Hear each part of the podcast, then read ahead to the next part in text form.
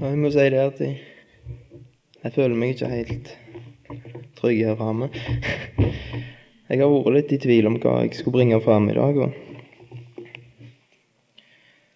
jeg vil uh, vende at dere er, med i bønn. Herre Jesus, jeg vil be om at du må gi meg de ordene som er rette. At jeg taler rett om deg. Herre, at du tar vekk det som ikke skal sies. Legger møtet i dine hender. Amen.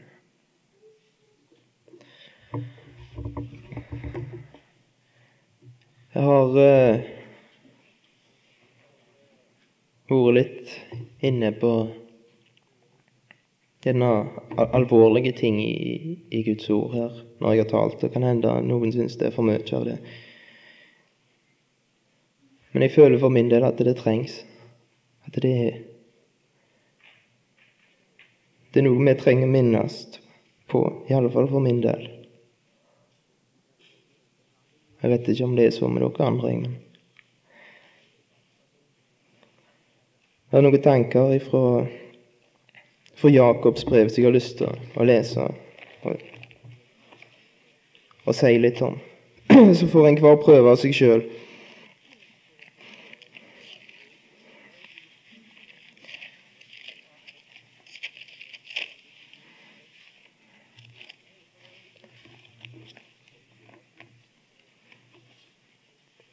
Jeg skal lese fra, fra det første kapitlet og fra vers 1.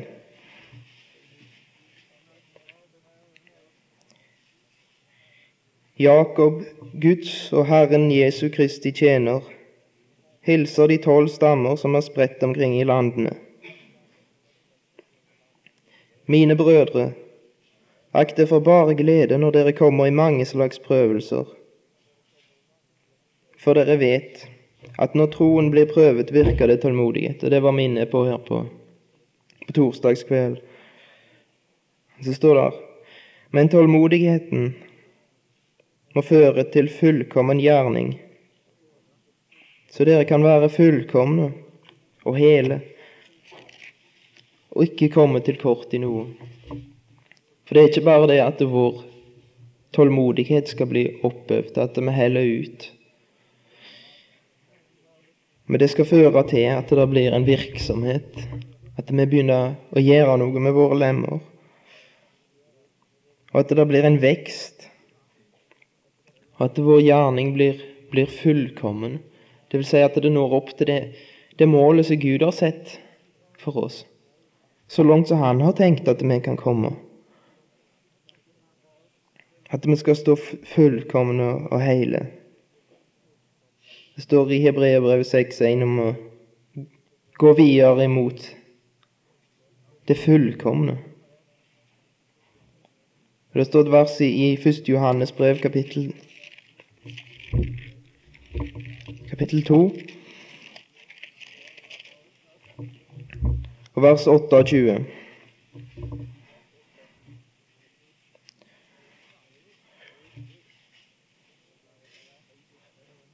Og nå, barn,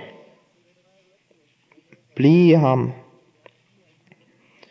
for at vi kan ha frimodighet når han blir åpenbart, og ikke bli til skamme for ham når han kommer. Kan du tenke deg det er en mulighet der for oss? Se frelste av nåde. Altså han skal vise sin rikdom imot i de kommende tider.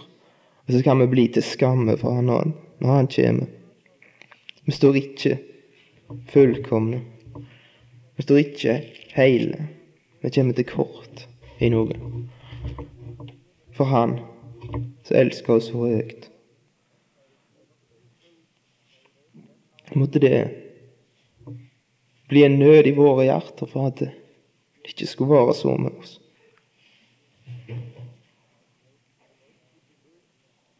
Så står det videre i, i Jakob 1.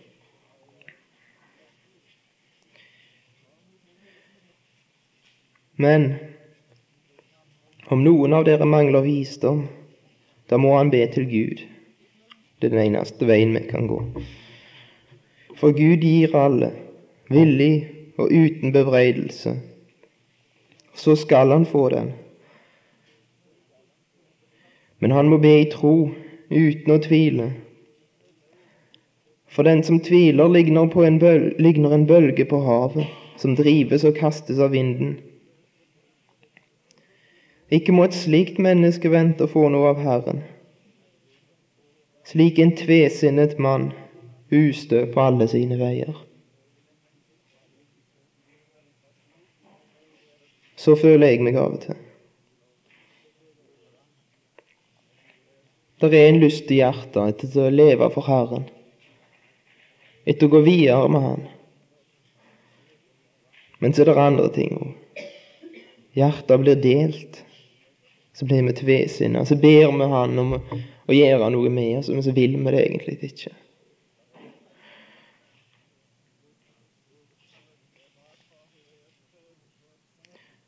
Så står det i vers 21 Avlegg derfor all urenhet og enhver rest av ondskap, og ta ydmykt imot ordet som er innplantet i dere, og som er mektig til å frelse deres sjeler. Det er på en måte det et ord som er blitt sådd i oss. Jeg har ikke sett frø som er sådd i jord, og så må, det, må jorda ta imot dette frøet. At det ikke feller på steingrunn, men at det slår røtter og får vokse. Så står det 'til å frelse deres sjeler'. Men er, er ikke vår sjel frelste, da? Er vi ikke frelste? Det sto jo i, sto jo der i Efeserbrevet 2 at av nåde er dere frelst.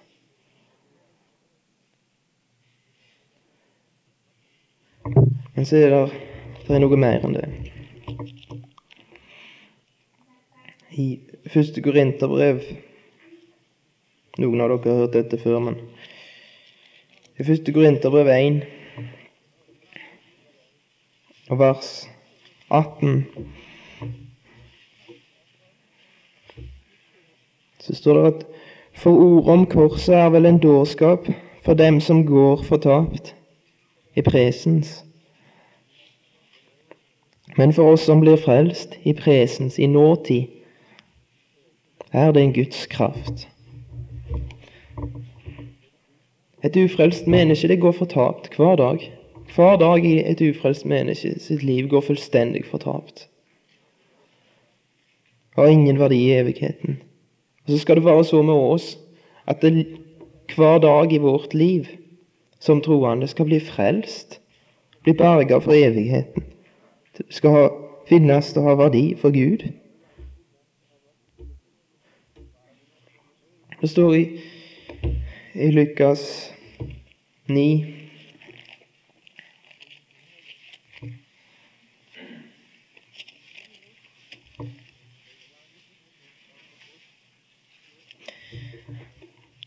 Lukas 9, vers 24. For den som vil berge sitt liv, skal miste det.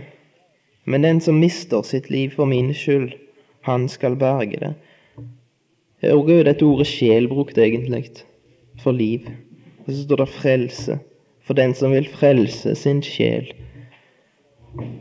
skal miste den. Altså den som vil ta vare på sitt eget, sine egne veier og sin egen lyst. Han skal miste hele greia. Men den som mister den, mister noe av det som han har lyst til sjøl. For Jesus skyld. For han som elsker oss sin skyld. Han skal frelse oss i sjel. Det står i, i Johannes, en litt lignende Johannes 12.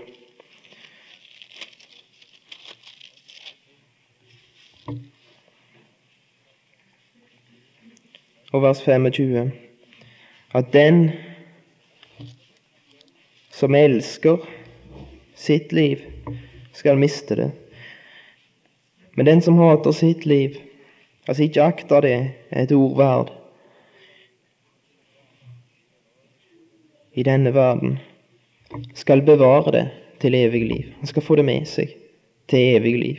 Han skal få et tillegg. Det står noe i, evangeliene som kan virke merkelig. Det står om en tjener. Og det står om noen talenter som blir delt ut til denne tjeneren. og så, ser det ut til at, at Gud lønner han etter. Han bestemmer hans evige skjebne etter hans gjerning. Det er en, en tjener som, gjemmer vekk det som er blitt betrodd for han, og så går han fortapt. Men jeg tror det at det, det sier noe om oss, for at vi har en stilling ikke Gud som sønn i huset. Og den stillingen, den er. Vi er frelst, vi er plassert i himmelen. Vi er sett ned i himmelen. Og kan aldri, kan aldri gå fortapt. I Johannes 8, vers 35, så står det Det står men, men trellen, eller tjeneren, blir ikke i huset til evig tid. Sønnen blir der til evig tid. Det er et, et prinsipp for virkeligheten og i, i Guds rike at Sønnen blir der til evig tid. Men, men så var det den tjeneren. Livet vårt, som vi lever her nede på jorda, de årene vi får nå det til vare her og tjener Herren. Det er ikke sikkert at de blir til evig tid, de. Kan hende de går fortapt. Men det er et ord som er mektig til å frelse våre sjeler. Timoteus får beskjed om å tale så at han skal frelse både seg sjøl og de som hører på. Så kan vi gå tilbake til Jakob.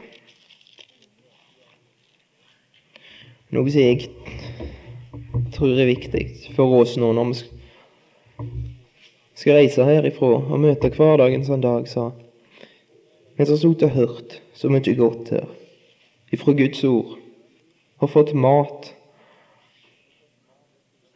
Det står der i Jakob 1, 22. Men vær ordets gjørere, ikke bare dets hørere. Ellers vil dere bedra dere selv bedrar ingen andre. Men det kan hende vi bedrar oss sjøl. Det står om denne mannen som Svein nevnte for oss her en dag. Det var noen som prøvde å ta vare på han til neste dag. De brukte han ikke opp, og så skulle de gjemme han vekk. Så står det at han, han begynte å lukte vondt. Det gikk ikke an å bruke han. For Guds ord, det må, det må etes, det må fordøyes.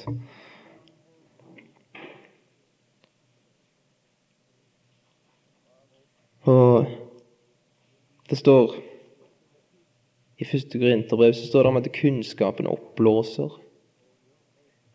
Det er på en måte et, det er et fordøyelsesproblem. Det. er et problem av at vi ikke bruker det.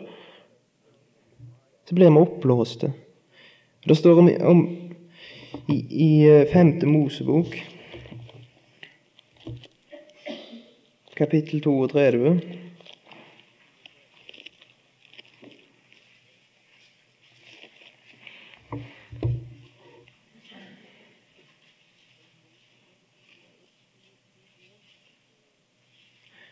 Og så Fra vers 13 der om Israel, som Gud hadde ført inn i et, et land. Det står i Nehemias, dette her. Men han, han gav dem Han lot dem fare fram over jordens høyder. Han åt markens grøde. Han lot dem suge honning av klippen og olje av det håreste fjell. Han gav ham rømme av kyr og melk av sauer og fett av lam av værer, fra basene av bukker og hvetens feteste marg. Druers blod drakk du, skummende vin. Det var flotte retter, det var feite retter. Det var fine mat som Herren sette fram. Det var ikke noe gale med maten. Det var mat som kunne gi styrke og kraft. Men så står det da ble Jesu rund fet. og spente bakut. Du ble fet og tykk og stinn. Må ikke det går an for oss òg, når vi hører Guds ord? Og så bare blir hørere og ikke, gjør dette. Til vi òg blir feite. Og så blir vi gjerne mette òg. Blir lei av den usle mannen. Tenk at det går an for oss. Dette dyrebare Guds ord som Han har gitt oss. Det står videre der i Jakob.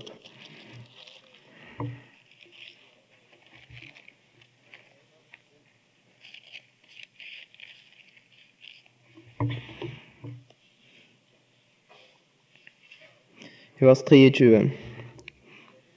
For dersom noen er en ordets hører, og ikke dets gjører, da ligner han en mann som ser på sitt naturlige ansikt i et speil. Han så på seg selv og gikk bort og glemte straks hvordan han så ut. Er det ikke så med oss ofte? Med Guds ord. Det seter lys ifra Guds ord seter fingeren på noe i våre liv som ikke er som det skal være. Og vi som skal se er virkelig, det er godt. Og vise oss at det som vi syns det er godt, gjerne at det ikke er så godt. Men så, men så går vi vekk, og så bare gløy, så glemmer vi det. Det står så fælt, syns jeg, i Salme 78, der hvor leser ifra her om Israel.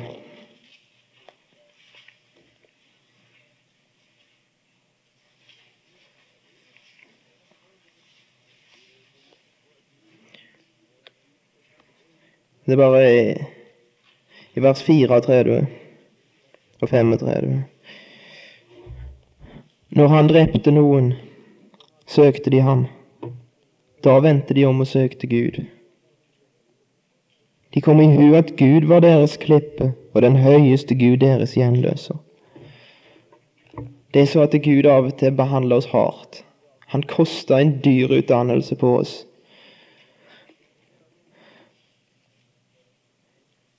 Men så ble det til virkning av dette i Israel. De fortsatte. Det var akkurat det varte en stund, og så glemte de igjen.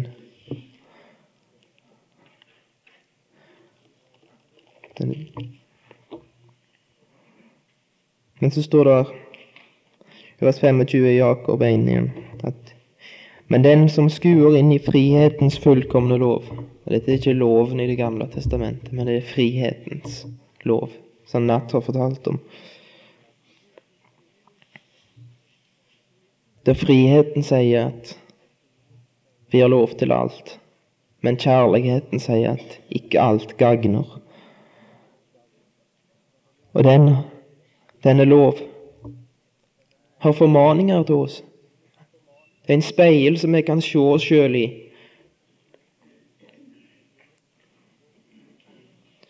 Det, st det står det i Galaterbrevet som blir lest, at vandre i ånden, så skal dere ikke fullbyrde kjødets lyst.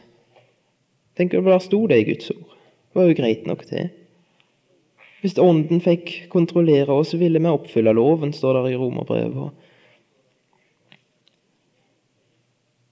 Det ville gå vel alt. Det trenger ikke stå mer. Men det står i Det nye testamentet så er det fullt av formaninger til oss om hva vi skal gjøre og ikke gjøre. For at vi, vi har så lett for å bedra oss sjøl. Vi har så lett for å tro at vi, nå er vi ledet av Ånden. Nå er, det godt med oss. Men så ser vi oss i speilet, og så ser vi at det er ikke så. Det var, noe, det var en flekk her. En flekk der. Så må vi vaske vekk. Men så må vi ikke gå vekk. Vi må ikke bare høre det og så glemme det. For den som skuer inn i frihetens fullkomlov og fortsetter med det, slik at han ikke blir en glemsom hører, men gjerningenes gjører, han skal være salig i sin gjerning. Hvis vi fortsetter å se inn i dette og la Guds ord dømme oss, så skal det skje noe med oss. Da vi blir en gjerningenes gjøre, og så blir vi salig. Uansett om at vår gjerning koster oss. Uansett om vi må oppleve det som Paulus opplevde gjerne. I sin tjeneste for Herren. Det var mye nød og elendighet. Men han var salig i sin gjerning. Det var den ekte gleda. Ikke den gleda som verden gir, men ekte.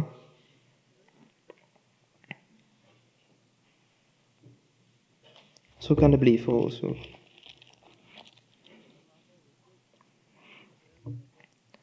For det er så at Gud, han forventer noe. Når han sår noe, så forventer han frukt. Og i kapittel to her så er det mange som syns at det er vanskelig. For her sier han at uh, snakker han om at Abraham ble rettferdiggjort av gjerninger. Og så sier Paulus, så klinker han det klart at uh, Abraham ble rettferdiggjort av tro alene.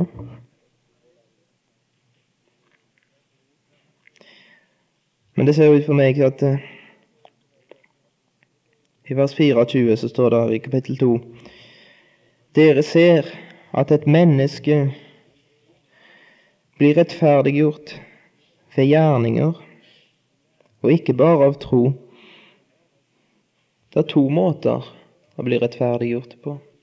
Rettferdiggjort av tro blir vi når vi tar imot den Herre Jesus som vår frelser. Og det er ferdig og fullstendig og fullkomment. Og det er ingenting som kan legges til der. Men så skal vi òg rettferdiggjøres på en annen måte. At det skal bli synlig at vi er rettferdige mann.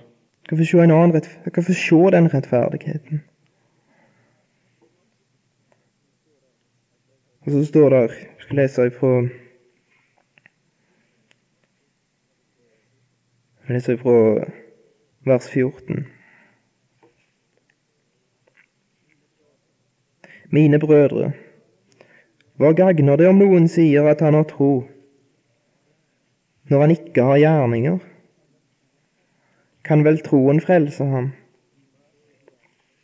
Og da er det igjen den frelse som det sto om i vers 21 i kapittel 1. Den som får vårt liv. Kan vel troen frelse ham? Og Så forteller han et eksempel her. Dersom en bror eller søster ikke har klær og mangler mat for dagen, og en av dere sier til dem, Gå bort i fred, varm dere og spis dere mette, men ikke gir dem det legemet trenger, hva gagner det av det?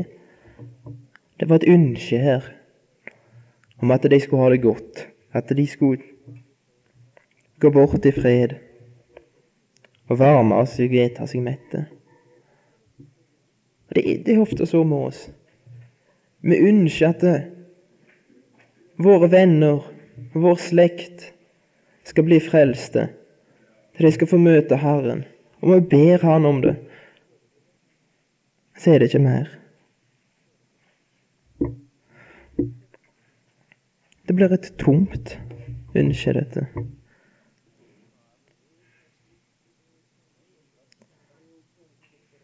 Og jeg har òg tenkt litt på det. Vi synger sanger her. Jeg har sett litt etter av og til når vi har sunget. Jeg har sett litt på teksten. Av og til så lurer jeg på hva det er vi synger. Er det sant, det vi synger? Vi sang en sang her en dag at 'la verden ha alt sitt for seg'. Er det så vi tenker, da? Er det bare et et tomt ønske.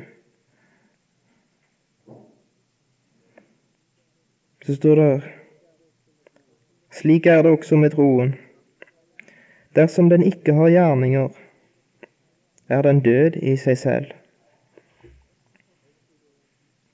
Jeg tror det ikke har noe med at det ikke er tro i den forstand. Men det står om, i Romerbrevet 8 så står det om at legemet er dødt av synd. Det betyr at det, det er ikke virksomt. Det ligger bare der. Det er et legeme. Og kan hende det det allerede er gått i oppråtning, for det, det beveger seg ikke.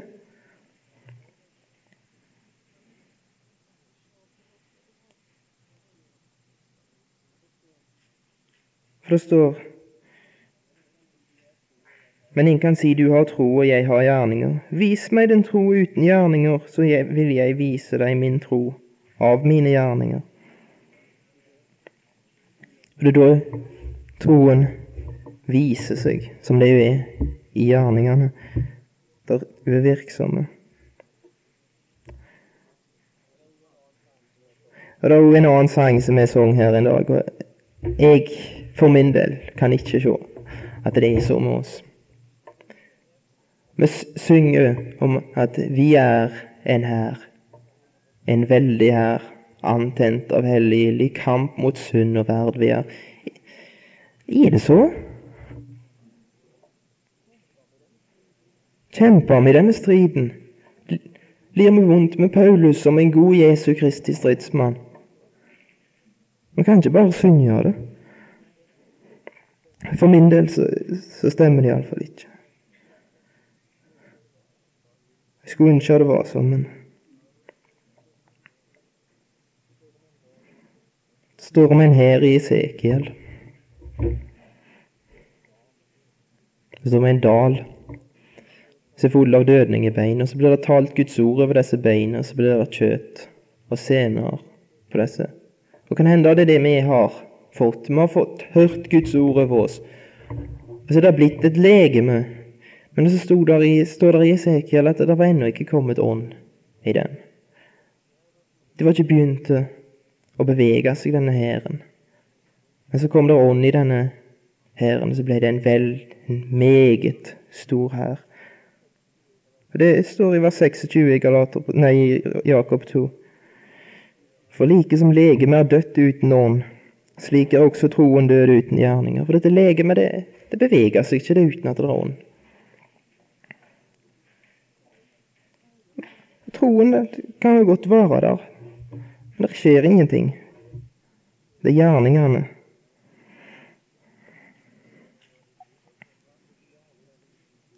Disse gjerningene som Gud vil at vi skal gjøre. Så Han vil gjøre gjennom oss. Det er ikke noe vi skal prestere sjøl og og, med, og så ta oss sjøl i nakken og, og, dra oss opp etter håret. For det går ikke an, det. Men han vil. Han har, han har gjort alt klart. Han har gitt oss de beste betingelser. Kristus i oss. Han vil leve gjennom oss, han.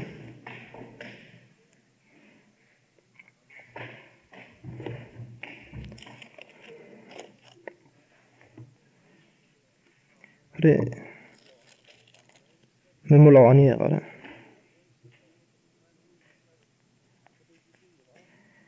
I kapittel fire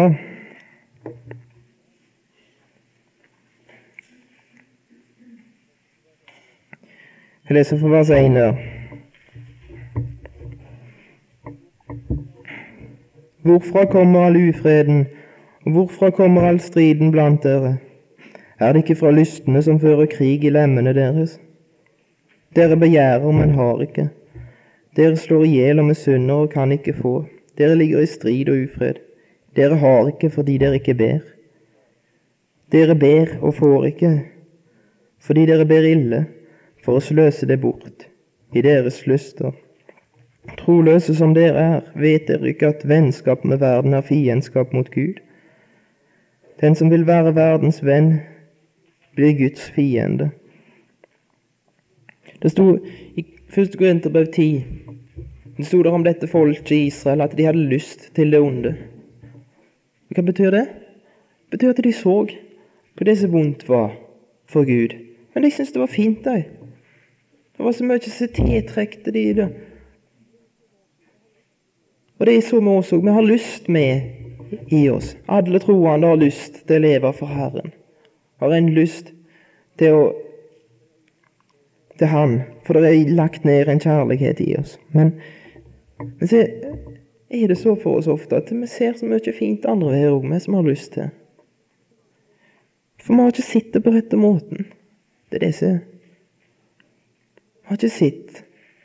Gud har ikke åpna øynene våre som har sett vondskapen i det. Vi har ikke sett noe i denne speil som sto om, som viser oss at det er ikke, det er ikke noe å ha vår lyst i. Det er så mange ting det står om, står om i kapittel to om å holde seg upletta av verden. Det er så mange fine ting som jeg er opptatt med, men de er skitne. Det er skit. Så ved det er ureint.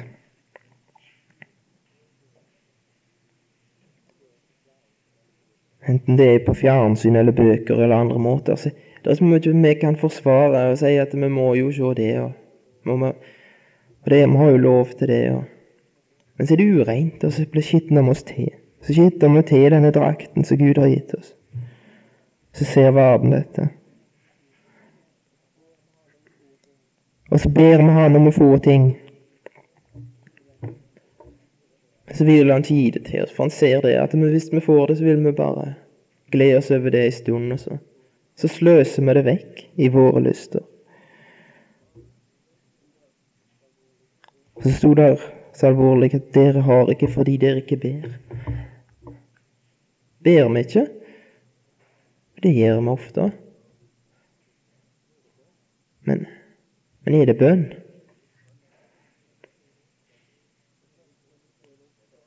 Jeg tenker med meg sjøl ofte, når jeg ber, skal be i lag med andre, så tenker jeg så voldsomt på hva de andre tenker. Jeg må forme denne bønnen sånn at du høres fin ut for de andre.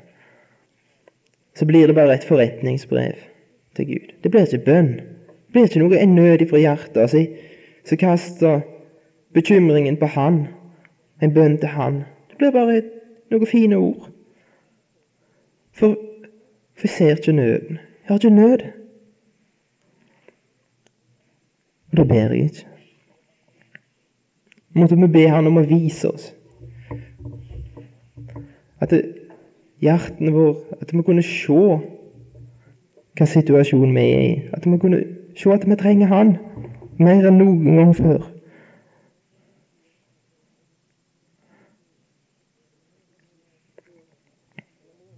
Det står eller mener dere i vers 5 at det er tomme ord når Skriften sier med nidkjærhet trakter han etter den ånd han lot bo i oss? Han elsker oss, han. Han vil ha oss for seg sjøl. Det er ingen andre som skal få Han vil ikke dele oss med noen andre, han. Det står i Salme Skal vi se om jeg finner hva jeg har skrevet. Jeg tror det var i Salme 45.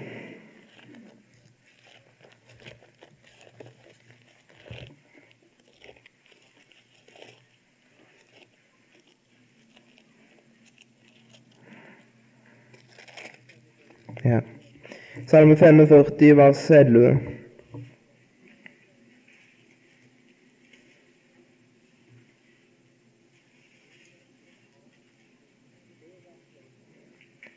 Hør, datter, det er en kongens brud, dette her. Hør, datter, gi akt og vend ditt øre til. Glem ditt folk og din fars hus, og la kongen ha sin lyst i din skjønnhet. For han er din herre, og du skal falle ned for ham. Det er det som er vår stilling. Er hans, og er dyrt kjøpte.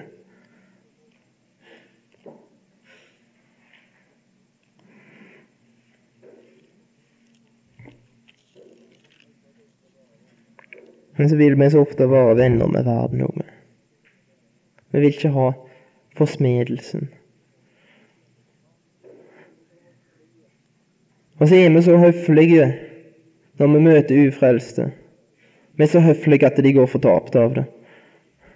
Vi skal ikke støyte av dem, vi skal ikke si noe. Så går folk fortapt rundt oss.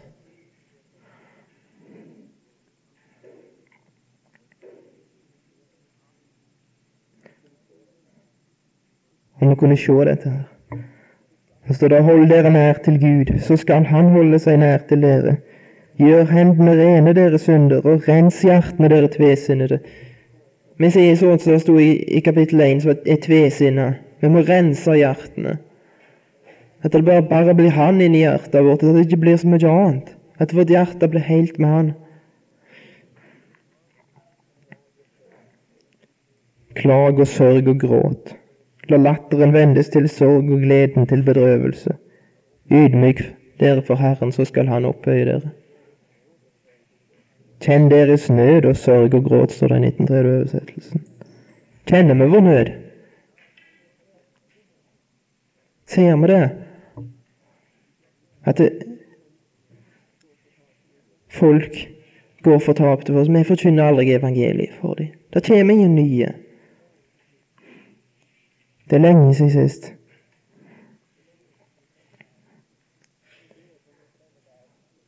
Og så lever vi for denne verdens ting stort sett. I alle fall når vi kommer sammen med ungdommer, så har jeg lagt merke til at Vi snakker bare om denne verdens ting. All slags tomhet. Snakker mest aldri om Han.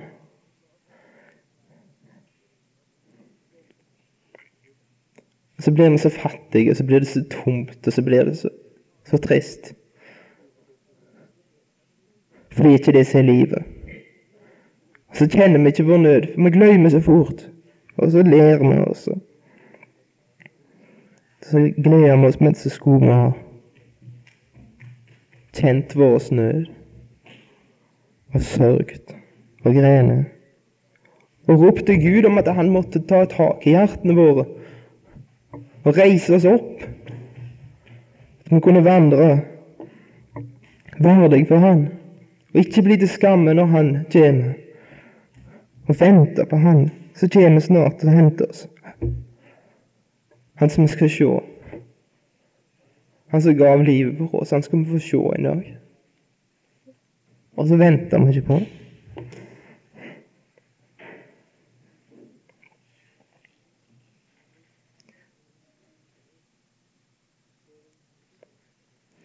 Det står i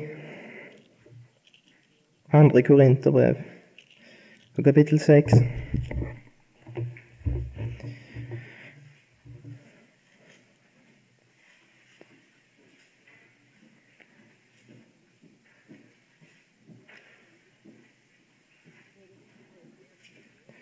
forteller først Paulus om seg sjøl.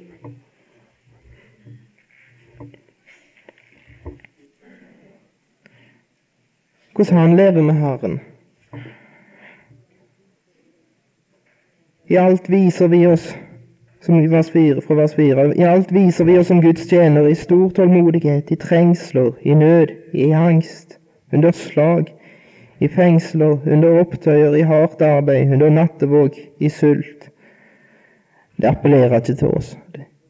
Og Det er naturlig for et menneske. Vi er så, og Gud har skapt oss så vil vi skal være så at vi skal ikke ha lyst til så til dette. Jesus ba om at kalken måtte gå han forbi, for han var et menneske, et sunt og helt menneske som ikke ville lide. Men det er noe med det. Når Herren vil det, så skal vi være lydige. Og så står det i renhet, i kunnskap, i langmodighet, i godhet, i Den hellige ånd, i oppriktig kjærlighet, ved sannhetsord, ved Guds kraft, med rettferdsvåpen på høyre og venstre side, i ære og vanære, med dårlig rykte og godt rykte, som forførere, og likevel sannferdige, som ukjente og likevel velkjente, som døende og se, vi lever, som straffet, men ikke slått i hjel som sørgende, men alltid glade. For det er det som er. Det er da vi blir glad.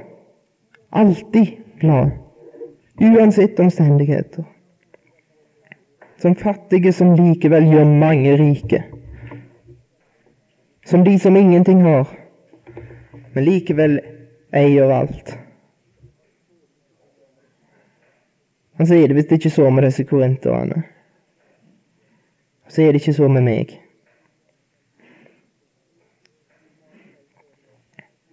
Og så må han si til dem at gi oss like for like, vers 13. Jeg taler, til, taler som til barn, også dere må utvide hjertene. Dra ikke i fremmed åk med vantro, for hva delaktighet og rettferd med urett, eller hva samfunn og lys med mørke, og hva samklang er det mellom Kristus og Belial, eller hva samfunn har en troende med en vantro? Og hva enighet er det mellom Guds tempel og avguder? Vi er jo den levende Guds tempel, som Gud har sagt, jeg vil bo hos dem og ferdes iblant dem, jeg vil være deres Gud, og de skal være mitt folk. Gå derfor ut fra den, og skill dere fra den, sier Herren, og rør ikke noe urent. Da vil jeg ta imot dere. Jeg skal være deres far, og dere skal være mine sønner og døtre, sier Herren den allmektige. Og det er ikke det, vi er hans sønner i stillingen i Kristus. Men vi kan få erfare å være hans sønner og døtre her i denne verden òg. Midt i alt få erfare det. Erfare hans kjærlighet og hans omsorg og hans samfunn. At vi blir, får erfare han som venn. Så, ble, så Abraham ble kalt Guds venn, for han vandrer i lag med ham. Når vi så har disse løfter, i vers kapittel 7, mine kjære Når så store løfter, han skal være i lag med oss, så er det ikke så viktig med alt det andre da. Men for han så la oss rense oss fra all urenhet på kjød og og fullende vår helliggjørelse i Guds frykt.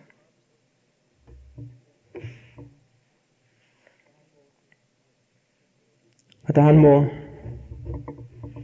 Han som har sådd i oss, sådd det gode ordet i oss, må få se frukt ifra det.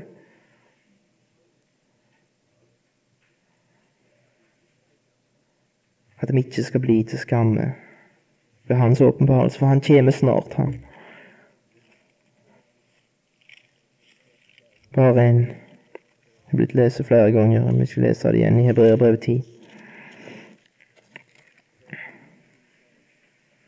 Hebreerbrevet 10, 20-30.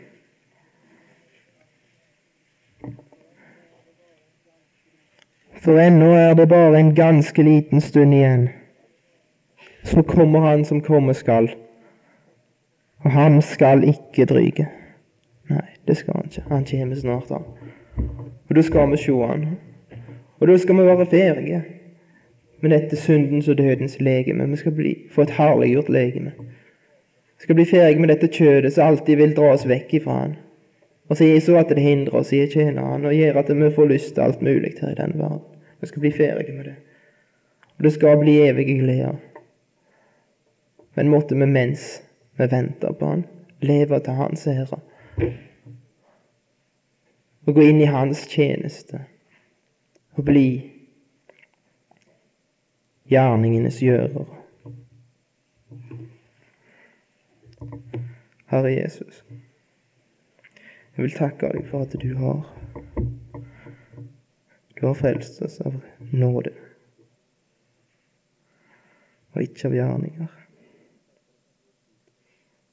Jeg vil også takke deg for at vi blir frelst av nåde. Men Herre, vis oss på nød. Vekk oss opp skikkelig. At vi roper til deg. At du får gjøre noe med oss. At vi vandrer som fremmede utlendinger i denne verden. Avlegge den gode bekjennelse som du du avla for Pontius Pilatus. Mitt rike er ikke av denne verden. Herre Jesus, måtte det bli vår bekjennelse med våre liv, ikke bare med våre ord. Herre, overlate oss til deg når vi skal reise ifra hverandre nå. Jeg vil takke deg for alt det gode vi har fått på dette kurset. Du har velsignet oss rikelig, du, for ditt ord. Herre, måtte det bli resultater. Amen.